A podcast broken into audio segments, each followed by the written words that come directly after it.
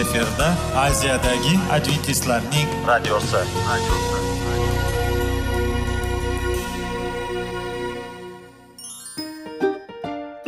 assalomu alaykum radio tinglovchimiz dasturimizga xush kelibsiz va bizni tinglayotganingizga sizdan judayam minnatdormiz bugungi bizning dasturimizning nomi sog'liq daqiqasi deb ataladi va biz sizlarga bu dasturda mevalarning foydasi haqida so'zlab bermoqchimiz ya'ni uning tarkibi uning tarixini va foydali xususiyatlari haqida. Aziz do'stlar mevani iste'mol qilish kerak ekan va biz boshladik. Ketdik. Sog'liq daqiqasi soliqning kaliti qiziqarli ma'lumotlar faktlar. Har kuni siz uchun foydali maslahatlar. Sog'liq daqiqasi rubrikasi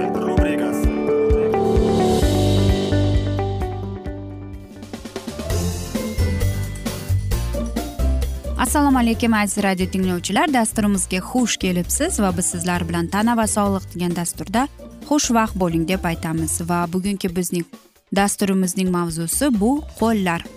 Aytingchi men o'ylaymanki biz siz biz bilan rozi bo'lasiz deb siz kunda har kuni ishlar qilasiz. Ya'ni ovqat qilasiz uy tozalaysiz ishlaysiz bu qo'llaringiz bilan. Ammo lekin siz hech ham qo'lingizga e'tibor berganmidingiz?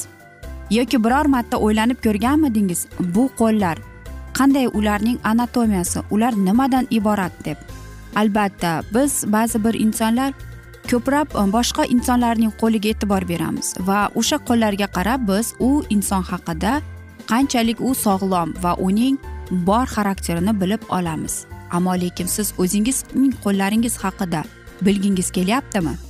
Va mana shunday savollarga bugungi dasturimizda biz sizlarga javob berishda harakat qilib ko'ramiz.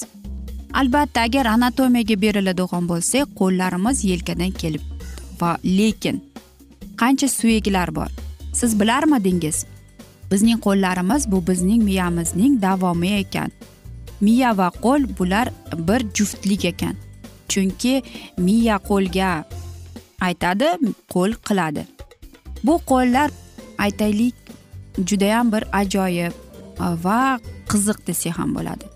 Agar miya qo'lga aytaylik uni ovqat qilgin desa albatta u qiladi yoki bu qo'llar nafaqatgina sevishga qodir balki uradi yoki buzadi va hattoki yaralarni keltirish mumkin ekan. Xuddi miyaga o'xshab ham qo'limiz ham judayam ajoyib anatomikga e, loyiq e, organ ekan. Va men o'ylaymanki qo'limiz ham qarangki olimlarning aytishicha bir tirik jonga kirib kelar ekan. Sog'lom qo'llar esa bizga ko'plab narsalarni aytib beradi. Qanchalik bizning qo'llarimiz sog'lom va go'zal bo'lsa shunchalik ham boshqalarning ta'siri o'ylaydi biz sog'lom va biz shunchalik chaqqonmiz deb. Ammo lekin biz ertalab uyg'onganimizda ba'zi bir insonlarni qo'lning ishigi bo'lib qoladi. Nega shunday bo'ladi deymiz. Qarangki o'n uch foizi odamzodning e, dunyo bo'yicha e, ular chapaqa ekan. Ayollar esa ayollarda esa bu foizning faqatgina o'nini olar ekan. Yana shu narsalar borki shunday insonlar borki ular nafaqat chap qo'li bilan balki o'ng qo'li bilan ham ishlashi mumkin ekan. Va mana shunday ularning ajoyib e, usuli borligi uchun ularni am diktentrantlar deb atalar ekan. Ammo lekin bunday insonlar dunyo bo'yicha judayam kam.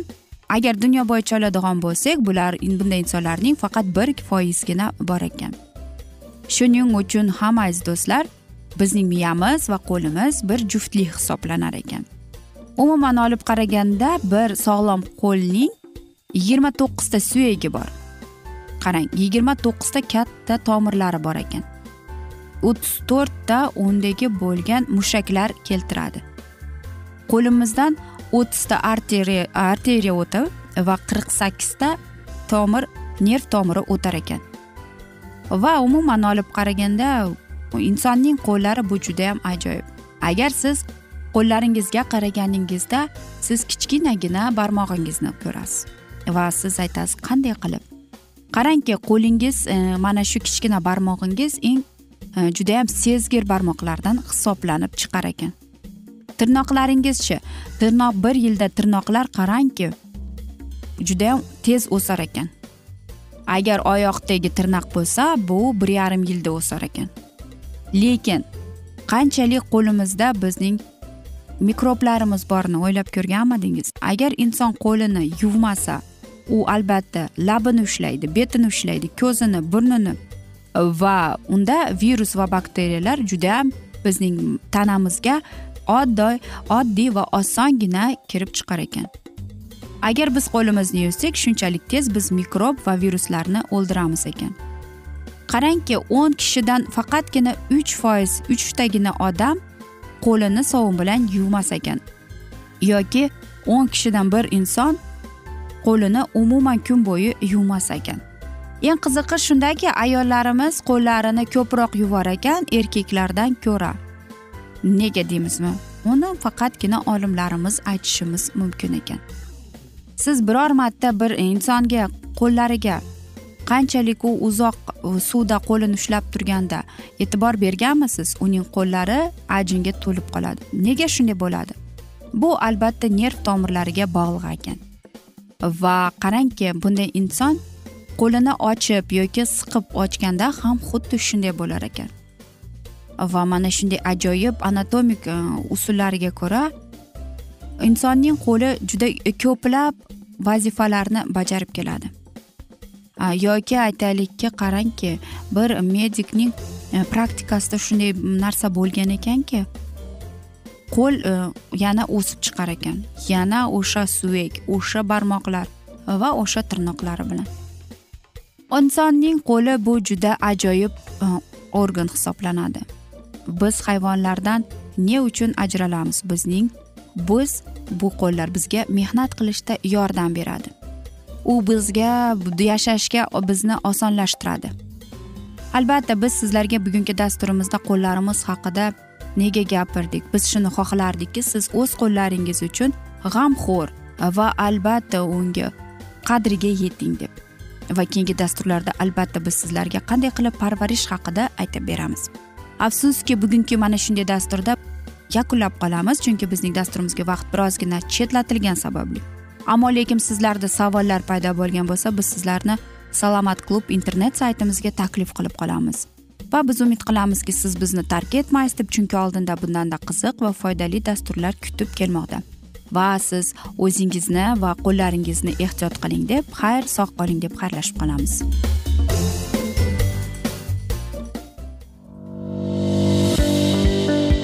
Sog'liq daqiqasi. Soliqning kaliti. Qiziqarli ma'lumotlar faktlar. Har kuni siz uchun foydali maslahatlar. Sog'liq daqiqasi rubrikasi.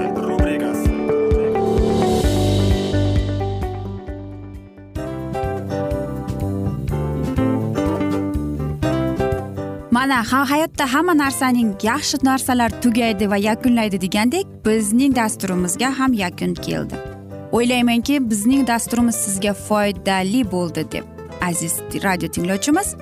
Va siz o'zingiz uchun kerakli xulosalar kerakli maslahatlar olib oldingiz. Aziz radio tinglovchimiz biz bilan qoling va keyingi dasturlarimiz albatta undanda qiziqroq bo'ladi. Mana shu alfozda sizlar bilan xayrlashib qolaman.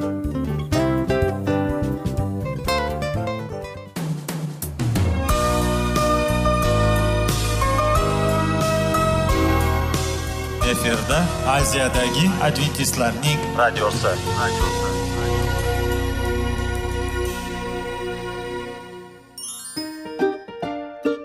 assalomu alaykum aziz radio tinglovchilar dasturimizga xush kelibsiz va sizlarni bugun biz munosabatlar haqida sizlar bilan suhbat qurmoqchimiz ya'ni ikki sevishganlar to'g'risida yoki er xotinning o'rtasida bo'lgan munosabatlar haqida masalan yigit qizni qanday sevish kerak? Er xotinni qanday sevish kerak? Xotin erini qanday sevish kerak? Qanday munosabatda bo'lish kerak ular bir biriga mana shunday haqida bizning mavzuyimiz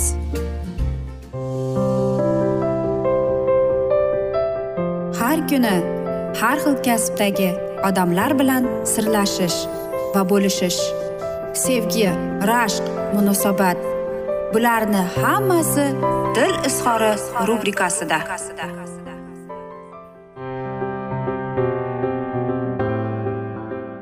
assalomu alaykum aziz radio tinglovchilar. Dasturimizga xush kelibsiz. Va biz sizlar bilan erkaklar marsdan ayollar veneradan degan dasturda xush vaqt bo'ling deb aytamiz. Va bugungi bizning dasturimizning mavzusi nega biz iltimos qilganimizda muammolar paydo bo'ladi deb nomlanadi. Albatta biz ayollarimiz yoki erkaklarimiz bizdan bir narsani iltimos qilganda ba'zi bir aytaylik qiyinchiliklarga duch kelib qoladi. Ya'ni ichki qiyinchilik ichki qarshilik kelib qoladi. Qarangki ayol kishi mana shu borada nima deb o'ylaydi ekan? U o'ylaydi ekan nega u men doim men undan yordam so'rashim kerak ekan? deb. Axir men unga hech qanday talablarsiz yordam beramanku deb. Javob unutmang aziz erkaklarimiz ular marsdan. Ularning psixologiyasi umuman boshqacha ekan. Agar siz hamma narsa nimani olgingiz kelsa demak siz hamma e, uning xarakterini hattoki o'zgartirishga haqqi umuman harakat ham qilmang. Uning ichki qarshiligiga duch kelib qolasiz. Albatta bu noto'g'ridir lekin biz veneraliklar bir narsani so'rashdan oldin yo'q men demasligimiz kerak ekan. Biz deyishimiz kerak ekan.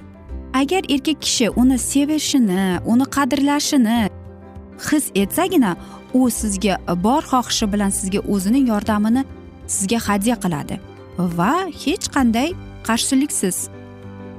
Ikkinchi savol ayollar o'zlariga berar ekan. Nega va nima uchun men uni qadrlashim kerak deb. Agar men ham undan ham ko'proq narsani qilsam deb. Javob oddiy. Marsianliklar judayam kam e, kuch sarflashadi. Agar ular sezishsa uni qadrlashmasa.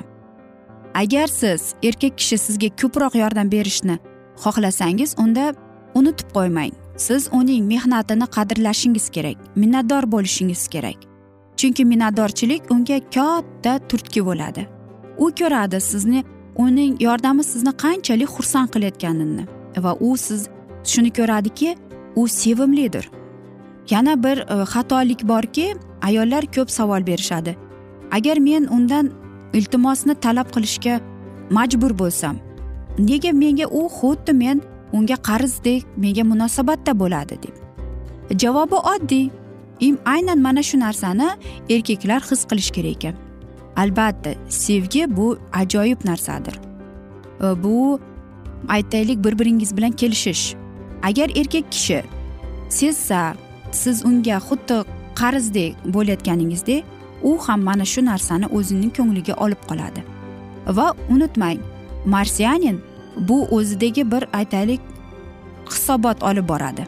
Agar u ko'rib qolsa e, sizningcha u sizga qanchalik kuchga quvvat kirgizayotganini demak uning yuragi yopilib qoladi va u sizga kamroq sevgi bera boshlaydi.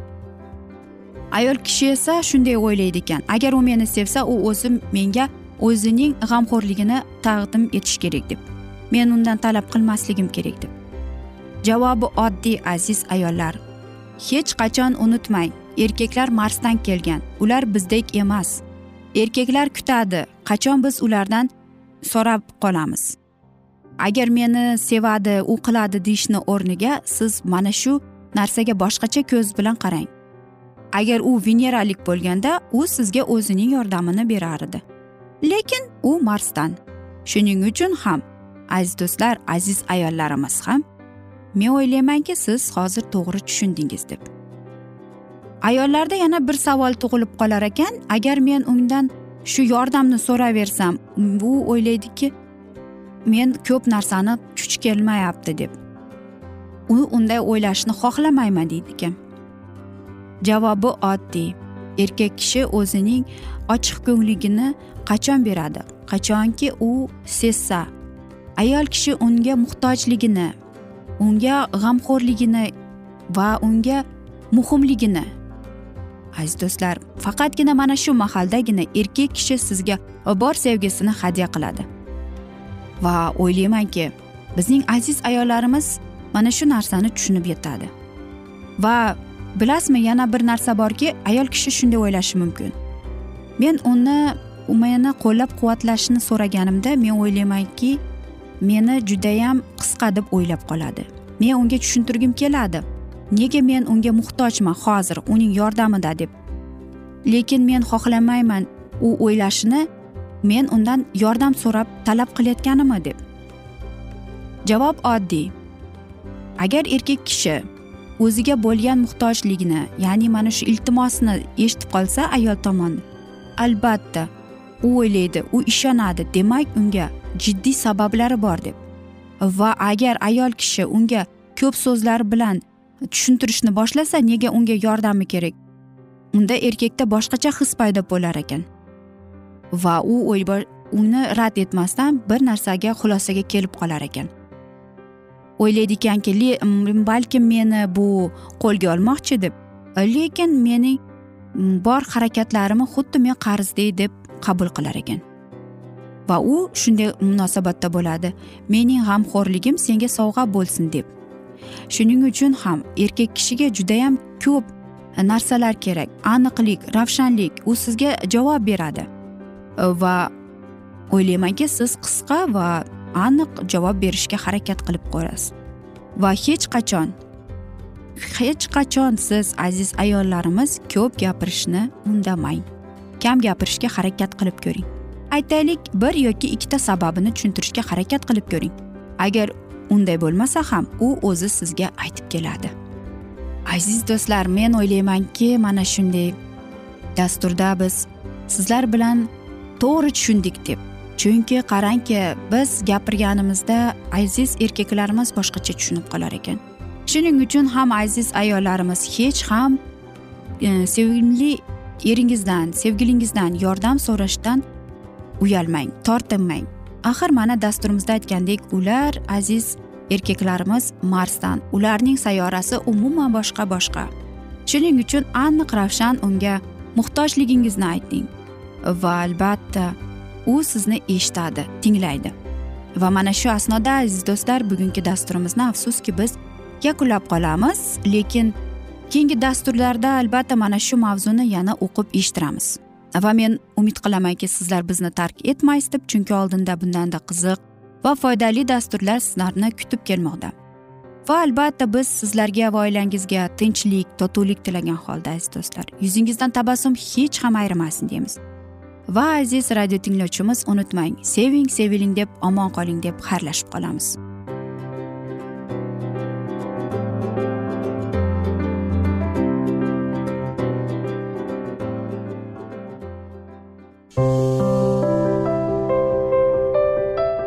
Har kuni har xil kasbdagi odamlar bilan sirlashish va bo'lishish sevgi rashq munosabat bularni hammasi dil izhori rubrikasida. Mana aziz radio tinglovchimiz bizning go'zal va foydali va chiroyli dasturimiz yakunlanib bormoqda. Sizlarga birozgina maslahat berib o'tmoqchi edik. Bir biringizni seving qadringizga yeting va erkalang albatta bir biringizni va sizga judayam chiroyli va mustahkam munosabatlar tilab qolamiz albatta. Sevgilingiz doimo yoningizda bo'lsin. Mana shu borada sizlar bilan xayrlashib qolamiz. Xayr.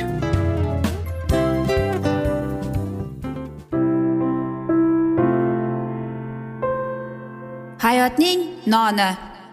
Qiziqtirgan savollar va javoblar. Buning hammasi ko'ngil uchun ozuqa rubrikasida.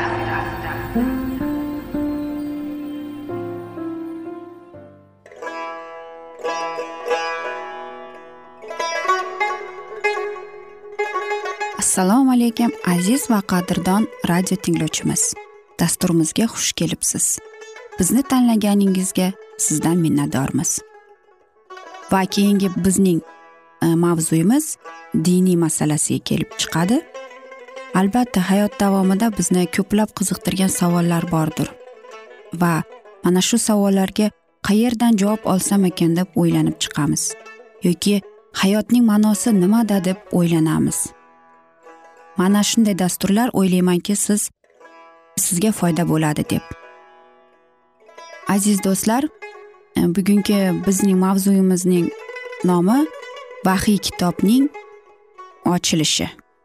Ya'ni bu muqaddas kitobda shunday deb yozilgan. Vahiy kitobning bizga bo'lgan buyuk sovg'asi deb.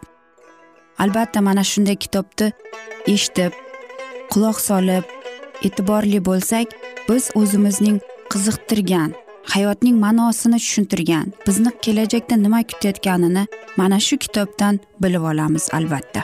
Va xudoyim bizga qanday rejalar ochgan bizga qanday kelajak kutayotganini aynan mana shu kitobda yozilgan va bizga mana shu kitob orqali xudoyim bizga aytib bergan. Keling aziz do'stlar mana shu kitobni e'tiborli va yaxshilab quloq solib va chuqurroq nazar solaylik shu muqaddas kitobga. Assalomu alaykum aziz radio tinglovchilar. Dasturimizga xush kelibsiz va biz sizlar bilan ulug' kurash degan kitobni o'qib eshittirayotgan edik. Va bizning bugungi dasturimizning mavzusi global diniy uyg'onish deb nomlanadi. Va biz sizlar bilan o'tgan galgi mavzuning davomini eshittiramiz. Ehtimol iso ham boshqalar kabi payg'ambar bo'lgan. Yahudiylar esa hech bir gunohi bo'lmagan masihni o'ldirganlar deb taxmin qildi volf bunday fikr bolani shunchalik jalb etdiki masihiylarning ibodatxonasiga borishni unga taqiqlab qo'ydilar. Lekin shunga qaramay u ko'pincha ibodatxonaga kiraverishda uzundan uzun vaznlarni eshitganda o'sha yerda uzoq vaqt qolib ketardi. Volf sakkiz yoshga kirganda kunlarning birida keksaygan masihiy qo'shnisiga yog' suritilgan kelgandan keyin isroilni ajoyib kelajak kutishni aytib bolakay maqtandi. Chol unga mehribonlik bilan dedi. O'g'ilginam haqiqiy yer yog' suritilgan kimligini men senga aytaman. Bu nasrolik isodir. Qadimiy payg'ambarlarning sening ota bobolaringning o'ldirgan kabi uni ham xochga tortganlar. Hozir uyga borginda ishayo kitobining ellik uchinchi bobini o'qib chiqqin ana shundan keyingina iso masih xudoning o'g'li ekanligiga o'zing ishonch hosil qilasan deydi. Bolaga uyga qaytgach ishoning kitobini aytilgan bobini diqqat va qiziqish bilan o'qib chiqdi. Yog' suritilgan haqida qilingan bashorat nasronlik isoning hayotida naqadar aniq amalga oshganidan hayratga tushdi. Balki bolakayning masihiy qo'shnisi chindan ham haqdir. Bola ushbu bashoratni tushuntirib berishni otasidan iltimos qildi. Biroq qovog'ini solgancha ota lom lim demadi. Shundan so'ng vol boshqa hech qachon bu mavzuni borasida boshqa og'iz ochmadi.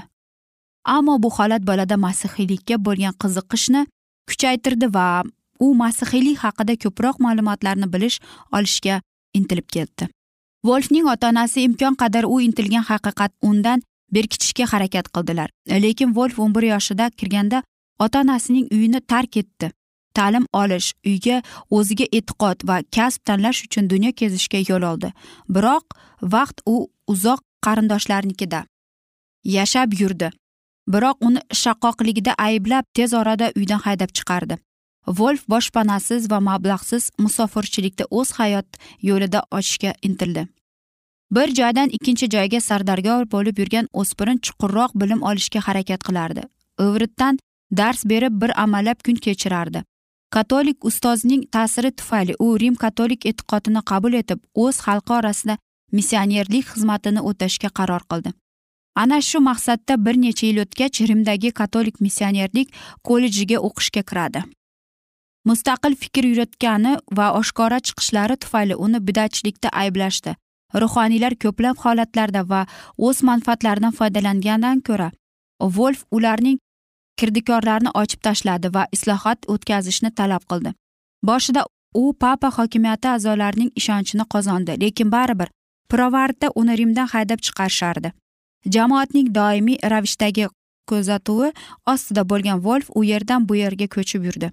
Biroq rim zulmatiga uning hech qachon itoat etmasligi va nihoyat ayon bo'ldi. Oxir oqibatda uni tuzalmas qaysar deb hisoblab o'z holiga tashlab qo'ydilar. Shundan so'ng u angliyaga yo'l olishga qaror qildi. Protestantlar e'tiqodini qabul qilgach angliyadan e, jamoatning a'zosi bo'ldi. Ikki yil mobaynida ta'lim oladigandan so'ng bir ming sakkiz yuz yigirma birinchi yili o'z missionerlik faoliyatini boshladi. Volf masihning birinchi kelishi haqidagi buyuk haqiqatni azob uqubat chekkan yer sifatida qabul qildi. U shuningdek masihning olamga ikkinchi bor qaytishi kuch qudratga va shon shuhrat bilan amalga oshishi qilingan bashorat aniq va aniq to'liq tarzda tasvirlab bergani ko'rdi. Nasronlik isoni va'da qilingan yog' suritilgan va uning birinchi kelishi odamlarning gunohi uchun keltirgan qurbonlik ekanligini volf o'z xalqiga tushuntirib berdi. Endi masih olamga shoh va najotkor sifatida ikkinchi bor kelishini ham o'z xalqiga yetkazdi. Nasroylik iso haqiqiy yog' suritilgan dedi. Bu kimsaning qo'l va oyoqlarini xochga mixladilar. Uni o'zi sifat ko'qqo'zi sifatida qurbonlikka keltirdilar. Bu zot azob uqubatlarga duchor bo'lgan yerdir. Saltanat hassasi yahudodan ketgandan keyin hamda qonun chiqaruvchi hokimiyat undan uzoqlashgandan so'ng bu kimsa birinchi bor kelgan biroq u yana ikkinchi bor samoviy ustunlarda va jabroilning karnayi ostida keldi. Zaytun tog'iga chiqadi. Qachonlardir butun mavjudot ustidan hukmronlik qilish huquqi odam atoga berilgan va gunoh tufayli qayta tortib olingan hokimiyat endilikda isoga topshiriladi. U butun yer yuzining shohi bo'ladi. Azob uqubatlarga nola fig'onlarga chek qo'yadilar. Hamma yerda shukronalik qo'shilari va hamdu sanolar yangraydi. Rabbimiz iso o'zi buyuk nido bosh farishtaning sadosi xudoning karnayi bilan osmondan tushganda shu onda marhumlar yana hech o'lmaganday bo'lib tiriladilar. Mana shu ularning hammasini biz imonlilar ilk bor tirilish deb aytaymiz. O'shanda butun mavjudot orasida ham katta o'zgarishlar yuz beradi va ular xudoning ulug'vorligiga hamda mehribonligiga itoat etadilar. Dunyoda tinchlik hukm so'radi. Ana shunda rabbiy yerga boqadi va deydi mana hammasi nihoyatda yaxshi deb. Volf rabbiyning kelishi yaqinligiga ishongan. Uning bashorat davrlarini izohlashi va buyuk oxir zamonning soatini aniqlashi miller ko'rsatgan vaqtdan birozgina farq qilar edi aziz do'stlar mana shunday alfozda biz afsuski bugungi mavzuyimizni yakunlab qolamiz chunki bizning dasturimizga vaqt birozgina chetlatilgani sababli. Lekin keyingi dasturlarda albatta mana shu mavzuni yana o'qib eshittiramiz. Va sizlarda savollar tug'ilgan bo'lsa aziz radio tinglovchilar biz sizlarni alkitab media internet saytimizga taklif qilamiz. Va biz sizlarga va oilangizga tinchlik totuvlik tilab yuzingizdan tabassum hech ham ayrimasin deymiz. Va o'zingizni ehtiyot qiling deb xayrlashib qolamiz. Omon qoling.